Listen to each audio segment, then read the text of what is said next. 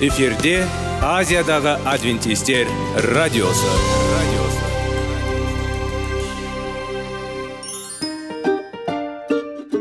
Сәлем достар. Денсаулық өмір бұлағы және біздің бірінші байлығымыз демекші денсаулық сағаты рубрикасына қош келдіңіздер.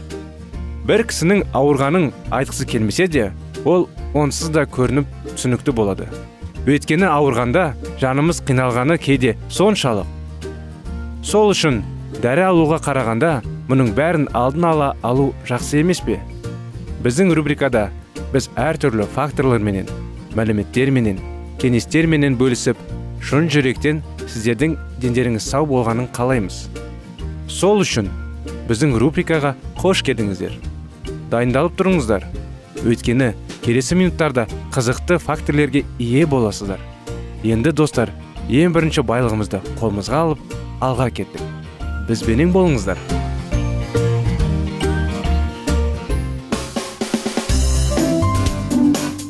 Денсаулық туралы хабар. Денсаулықтың ашылуы. Күн сайын сөз үшін күшті кеңестер соңғы жаңалықтар қызықты факторлар біздің рубрикада.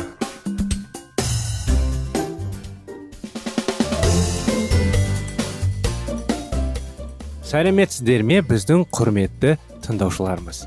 Біздің достарымыз біздің денсаулық сағаты бағдарламасына қош келдіңіздер деп айтқымыз келеді сіздерге.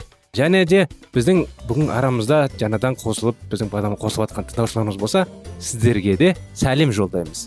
Әрине біздің бағдарламамыздан басқа бағдарламаға көшіп кетпеңіздерді сұраймыз. Өйткені біздің денсаулық сағат бағдарламасында қызықты тақырыптар кеңестер аламыз факторлер зерттейміз. Мысалы қазіргі сіздермен зерттеп талдап жүрген тақырыптарымыз жеміс жидектер жайлы. Әрине денсаулық ол өте, өте маңызды тақырып.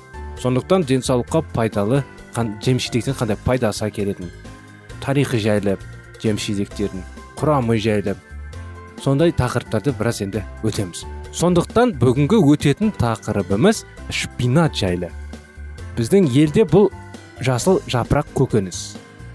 Мысалы францияда танымал емес. Француздар оны король деп атайды. Ал асқазан үшін сыпырғыш ол барлық жерде өседі. Және бекер емес өйткені ол өте пайдалы. Сіздерді қуанығымыз келеді. Шпинаттың біздің базарда да табуға болады. Бірақ сіз оны сатып алмас бұрын бізге оның барлық артықшылықтары туралы айтып беруіңізді рұқсат етіңіз. Оның тарихы жайлы не айта кетсек болады? Шпинатты өсіру персияда қалай басталды? Еуропалық тілдерде шпинат атауы парсы өзені шығады. Ол жасыл қол дегенді білдіреді. Ұлы жібек жолымен ол қытайға әкелініп жетінші ғасырдың ортасында парсы көкөнісінің атын алды. Еуропа тұрғындарына бұл көкөніс 13 ғасырдан кеш емес белгілі болды. Бұл көкөніс көктемгі жасыл ретінде қарастырылады. Ол ұлы пост кезінде пайдалануға қолайлы екен. Француз патшалық ауласында шпинатты қолдануға сан италиялық екатерина медичи енгізді. Ол әрбір тамақ ішу кезінде үстелге шпинат беруді талап етті. Еуропада алтыншы ғасырдың ортасында ашы кен жапырақтары және дөңгелек тұқымдары бар қазіргі типтегі шпинат таралды. Селекционерлердің келесі күш күшігері жазғы жылудың басталуымен асқабақтарға кептейтін қорытындыны шығаруға бағытталған. Қызықты факторлер пісіру кезінде шпинат өзінің қалай енді жарқын жасыл түсін жоғалтпайды. Ол оны тамаша тамақ бояқ жетеді ет тартқыш тарқылы шпинат бумасын тексеріңіз.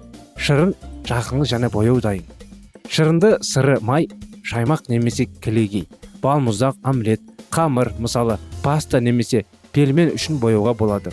Ал қанны қанық жасыл түс алу үшін шырын табағы қуынсыз және оны 30-40 минут қайнатыңыз.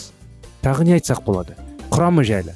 Шпинатта ақауыздар көмірсулар және тіпті майлар органикалық қаныққан және қанықпаған май қышымдары. Клетчатка крахмал қант а е с н к р витаминдері. В тобының көптеген витаминдері бета каротин кальций магний натрий калий фосфор темір мырыш мыс марганец селен бар. Шпинат жапырақтарында ақауыз өте көп. Оның тек бұршақ жас бұршақ және жасыл бұршақ а және с сияқты маңызды витаминдері шпинатта температуралық әсерлерге төзімділігімен ерекшеленеді. Олар жылулық өндіруде сақталады. Басқа көкөністердің құрамында да пайдалы заттар көп. Ал шпинат сияқты витаминдер мен минералдардың бай құрамы өте сирек кездеседі. Сондықтан бұл жасыл жапырақты көкөністің пайдасы жете бағаламауға болмайды бағалауға болмайды. Оның пайдалы қасиеттері әрине айта кету керек. Шпинат қанықтандырады. Ағзаны қоректік заттармен қамтамасыз етеді. Шлактар мен уыттарды шығарады. Тек сәбізде ғана шпинатқа қарағанда каротин көп. Ал темірдің өте жоғары құрамының арқасында шпинат гемоглобинге белсенді болуға көмектеседі және жасушаларды оттегімен жақсы қамтамасыз етеді. Ол зат алмасуды жақсартады және дененің энергия өндіруіне ықпал етеді. Әрине осындай керемет құрамында шпинат диеталық өнім ретінде ғана емес көптеген аурулардың алдын алу және емдеу құралы ретінде де өте пайдалы. Шпинатты қолдану тіс пен қызыл иектің денсаулығы үшін пайдалы. Анемия мен ісектердің дамуын есектіреді қан тамырлар нығайлы ұйықты безенің жұмысын ынталандырады және ішек қызметін қалыпқа келтіреді.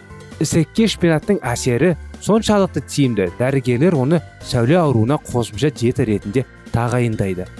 Арқанда жүйке жүйесінің аурулары анемия гипертония және қан диабеті гастрит және энтероколит кезінде шпинатты жеңіл несеп айдайтын әлсіз қабынуға қарсы және серіктеген әсер бар диеталық өнім ретінде тамақтандыруға қосады. Қолдану жаңа немесе немесе пісірген шпинатты жейді. Оны пісіреді. Бәліш үшін салам ретінде қолданады. Онымен салттар тағамдар мен тұздықтар дайындайды. Тамақ ә, өнеркәсібінде шпинат бояғыштарды дайындау үшін пайдаланады. Одан консервілер мен дәмдеушілер дайындалады. Шпинат сорпасы дәмді және жеңіл. Шпинат ет балық және басқа ақауыз тағамдарды түсіндіруге көмектеседі. Әрине жаңа піскен шпинат жапырақтары пісірілген және салаттарға қосылған жас шоққа сабақтарға қарағанда пайдалы. Олардың қоректік құндылығын едәуір арттырады. Қайнатылған шпинатты бел ауруы ауыртындарды рационға қосу ұсынылады. Ол оларды құтылған көмектеседі. Шпинат сіздің рационыңызда болуы тиіс. Дәмді және пайдалы көкөніс. Егер ешқашан шпинаттан ештеңе дайын болмаса эксперимент жасаңыз. Бұл көкөніс сіздің сүйікті болсын. Және сеніңіз. Ол сіздің алдыңызда боршыққа қалмайды. Ә, мінекей достар ә, өкінішке бағдарламамыз аяғына келді келесі бағдарламаға дейін сау саламатты болыңыздар. Рахмет сіздерге.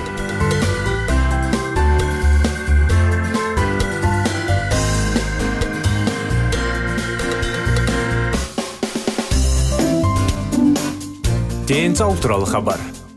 Денсаулықтың ашылуы күн сайын сөз үшін күшті кеңестер соңғы жаңалықтар. Қызықты факторлар біздің рубрикада.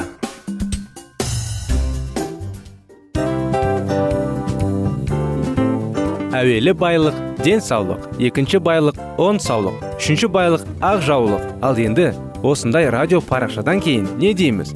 Барлықтарыңызға денсаулықтарыңыз зор болсын деп тілейміз. Денсаулықтың өзгеруі кішкентай нәрселерден басталады. Осымен біз берген кеңестер мен мәліметтер шын жүректен сіздер үшін қандай да бір болсын жәрдем берді деп үміттенеміз. Тыңдаушыларымызбен келесі радио парақшасына дейін қоштассамыз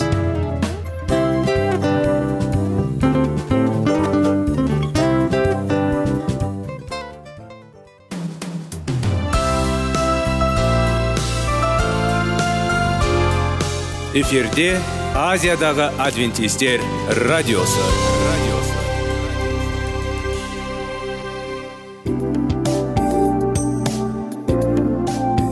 Сәлем достар.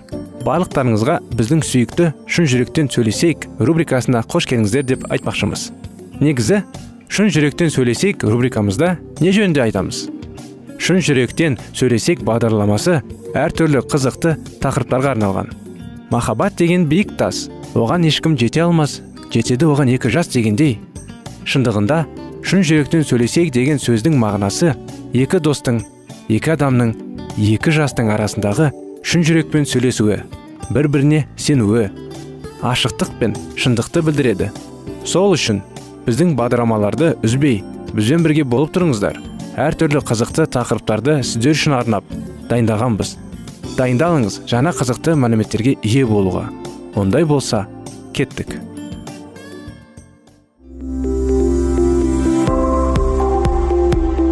Алтын сөздер. Сырласу. Қарым қатынас жайлы кеңестер мен қызықты тақырыптар. Шын жүректен сөйлесейік рубрикасында.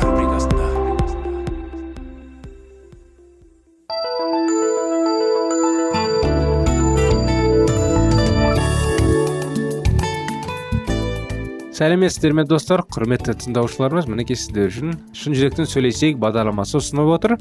Шын жүректен сөйлесейік бағдарламасында әрдайым сіздер үшін пайдалы кеңестер әңгімелер кітаптар оқып талдап береміз. Неліктен өйткені шын жүректен сөйлесу бүгінгі күнде өте маңызды. Көптеген адамдар бір біріне жүрегін ашамайды бір бірін қызғанады бір бірін алдайды бір бірін жек көреді. Бұндай бұндай жағдайлар қиыншылықтар көп. Ата анасы мен баланың арасында әйел мен күйеуінің арасында дос пен достың арасында. Енді жай ғана енді товарищтер дейді ғой жұмыста да. Қиыншылықтар көп. Соның бәрін бол қалай енді алдын алу үшін оның бәрін болдырмау үшін бақытты керемет өмір сүру үшін сіздерге қызықты тақырыптар өткіземіз қазір уақытта сіздер үшін шектеулер жайлы кітапты оқудамыз. Екінші тарауында сондықтан жалғасында былай десек. Меншіктің көзге көрінбейтін шектеулері және жауапкершілік физикалық әлемдегі шекаралар көзге оңай көрінеді. Қоршаулар тыйым салынатын белгілер қабырғалар күтімі жақсы көгалдар менің мұның бәрі физикалық шекаралар. Сырттай әр түрлі болып көрінгендермен олар осы жерден менің меншігім басталады деген бір ғана ойды білдіреді. Меншіктің заңды иесі өзінің меншігімен болған жағдайлардың бәріне жауапты.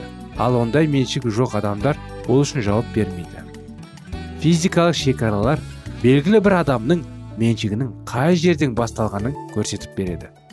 Сіз сотқа барып өз меншігіңіздің шекарасы қайда екенін және қиындықтар тауып қалған жағдайда қандай баруыңыз керектігін нақты біле аласыз.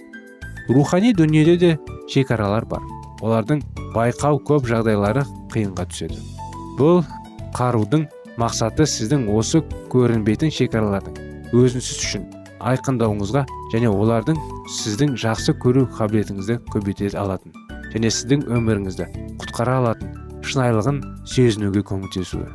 Шын мәнінде бұл шектеулер сіздің жаныңызды айқындайды және оны қорғап қолдап жүргізуге көмектеседі.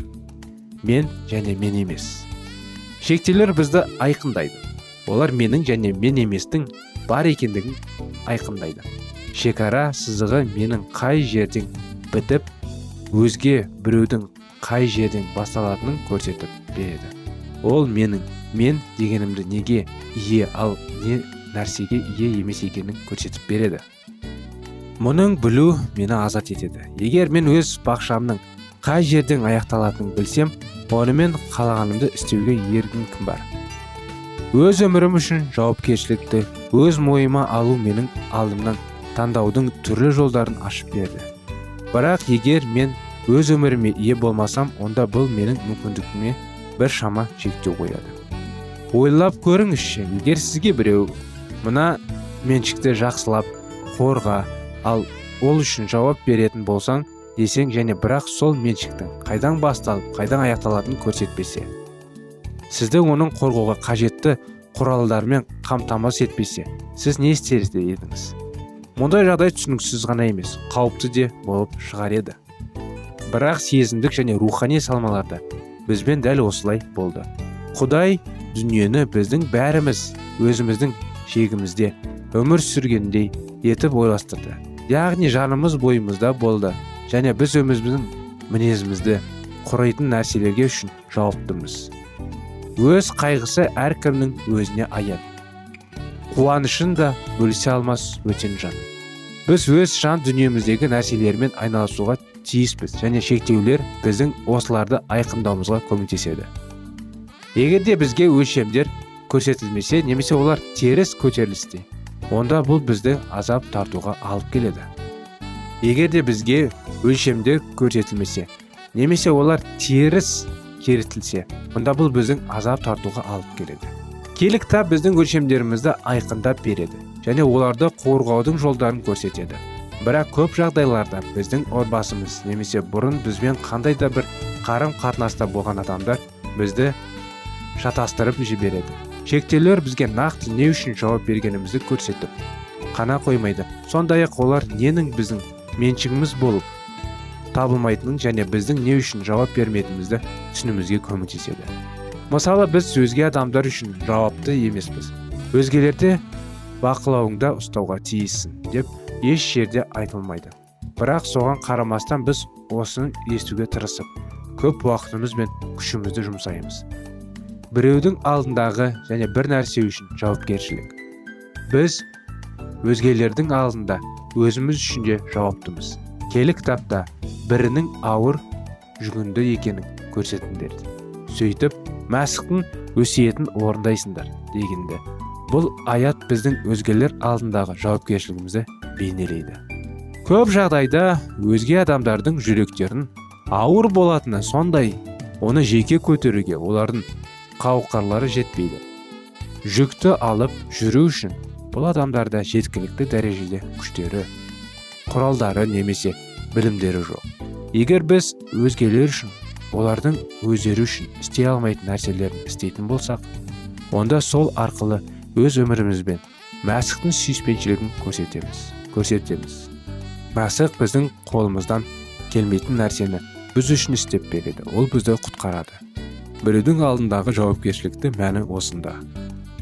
Мінекей достар кітаптың жалғасуы келесі жолы болады. Уақытымыз шектеулі аз болған соң осындай кішігірім кішігірім бөлім бөлімдерден сізге бөліп тұрмыз. Әрдайым бізбен болыңыздар. Жалғасы келесі жылы ұсынып сіздерге айтып береміз. Рахмет сіздерге. Сау болыңыздар.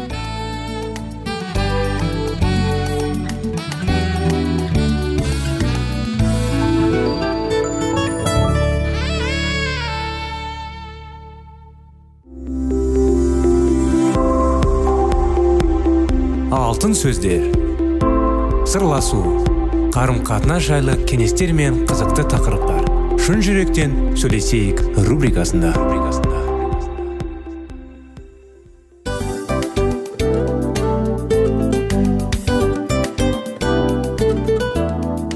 Құрметті достар барлық ең соңғы кеңестер аяқталған соң біздің программамыз соңына келіп қалды.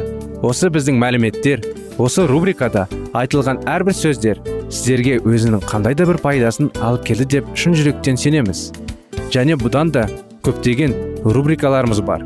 Басқа рубрикаларымызда біздің зерттеулерімізде сіздер үшін тағы да қызықты мәліметтер дайын. Біздің шын жүректен сөйлесейік парақшамызда көптеген әдістер ең соңғы кеңестер адамның нравственность жақтан моральдық жақтан тазалап байыта тұрған соңғы кеңестердің барлығын жанарады. сондықтан алдыңғы күндерде бізбен бірге болыңыздар. Өйткені барлық қызықтар алдыда. Бізбенен бірге болғандарыңызға үлкен рахмет. Келесі кездескенімізше сау сәлемет болыңыздар.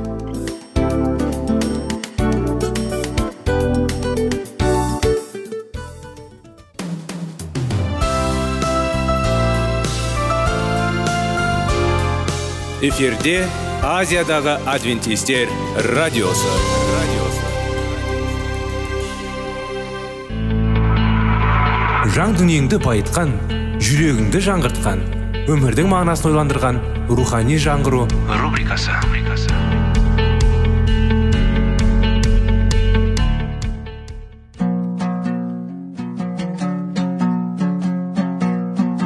Ассалаумағалейкум біздің тыңдаушыларымыз.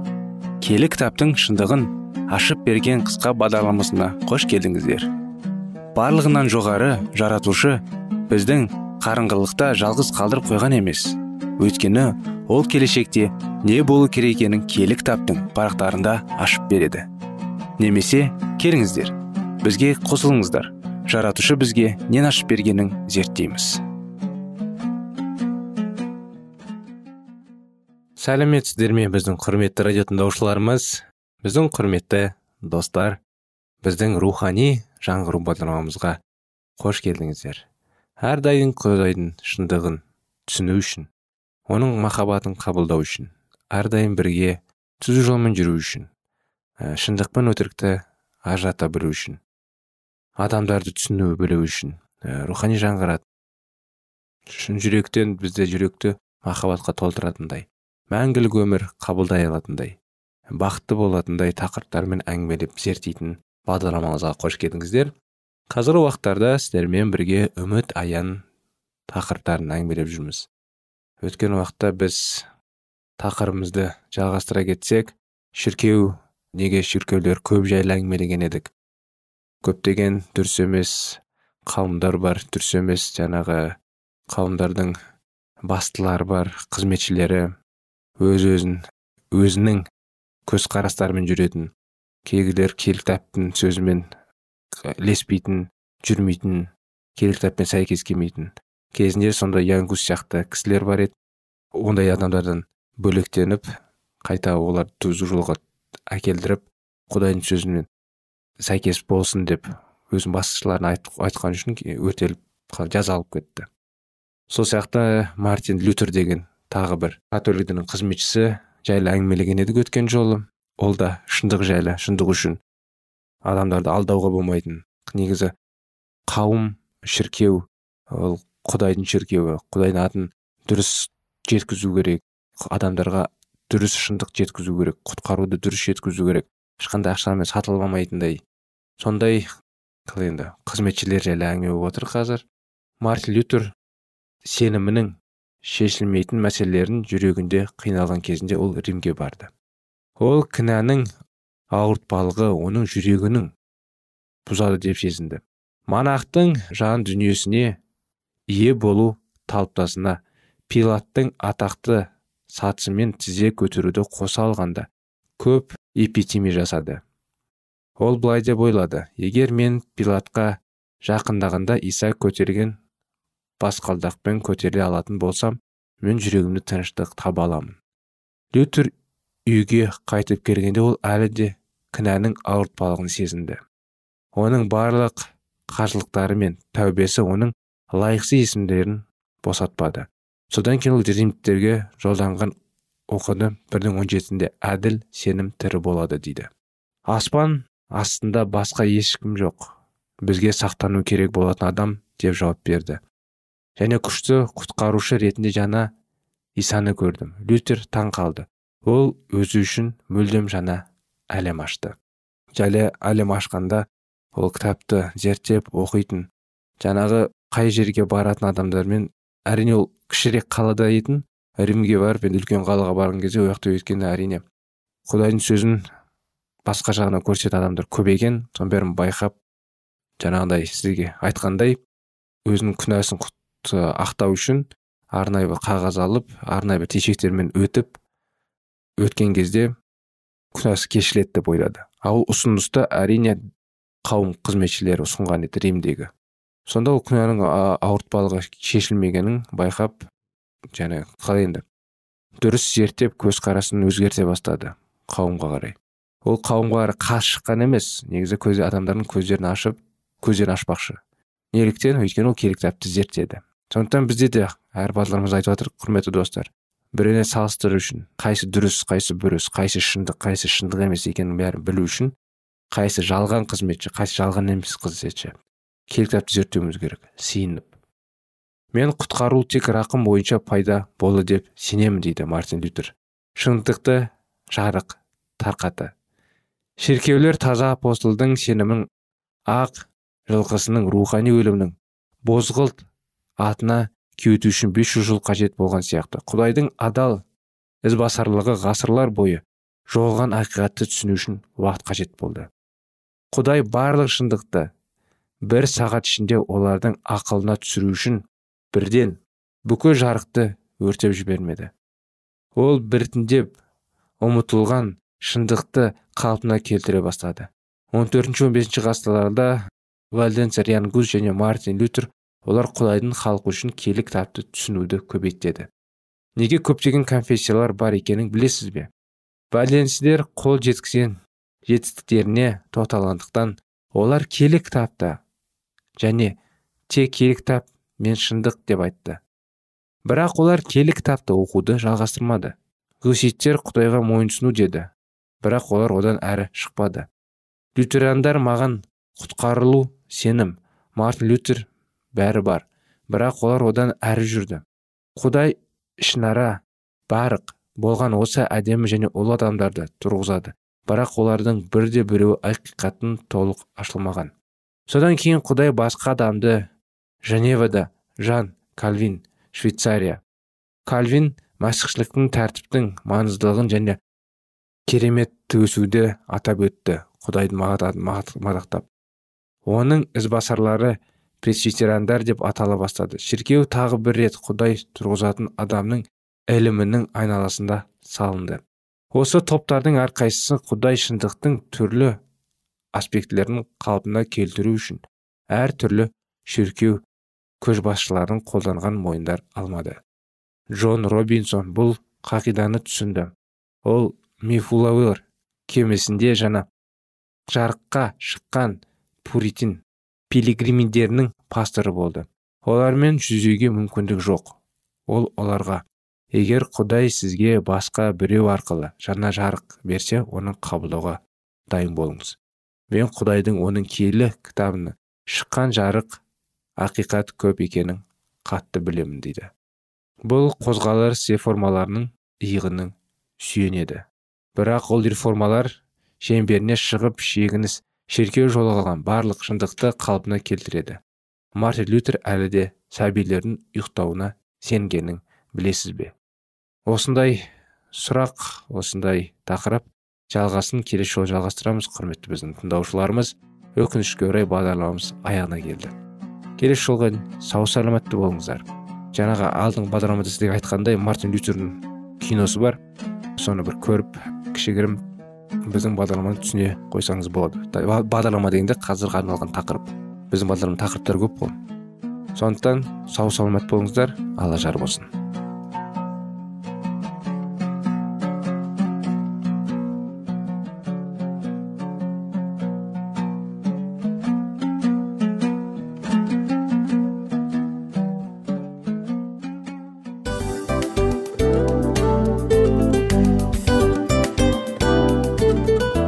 Осымен достар программамыздың зерттеуіміздің ең қайғылы минутына жеттік. Қайғылы дегенде бағдарламамыз тез арада өтті де кетті. Соған көңіліміз түсейін деп тұр.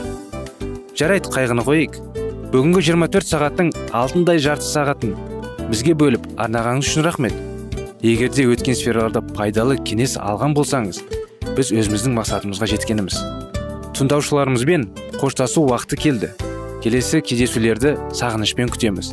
Жарты сағатты кездесуіміз көз ашып шапқанша дем арасында өтіп кетті. Бірақ бізде жақсы хабар бар. Келесі зерттеулерімізде сөзсіз кездесеміз. Өйткені көптеген сюрприздер қызықты мәліметтерді және керекті нәрселерді көбін дайындадық. Бүгінгі күндеріңіз өзгеше позитивті болсын. Жақындарыңыз аман есен болсын деп тілейміз. Жаратқан ие барлықтарыңызға батасын берсін. Істеген істеріңіз игілікті болсын. Келесі кездескенше сау саламат болыңыздар.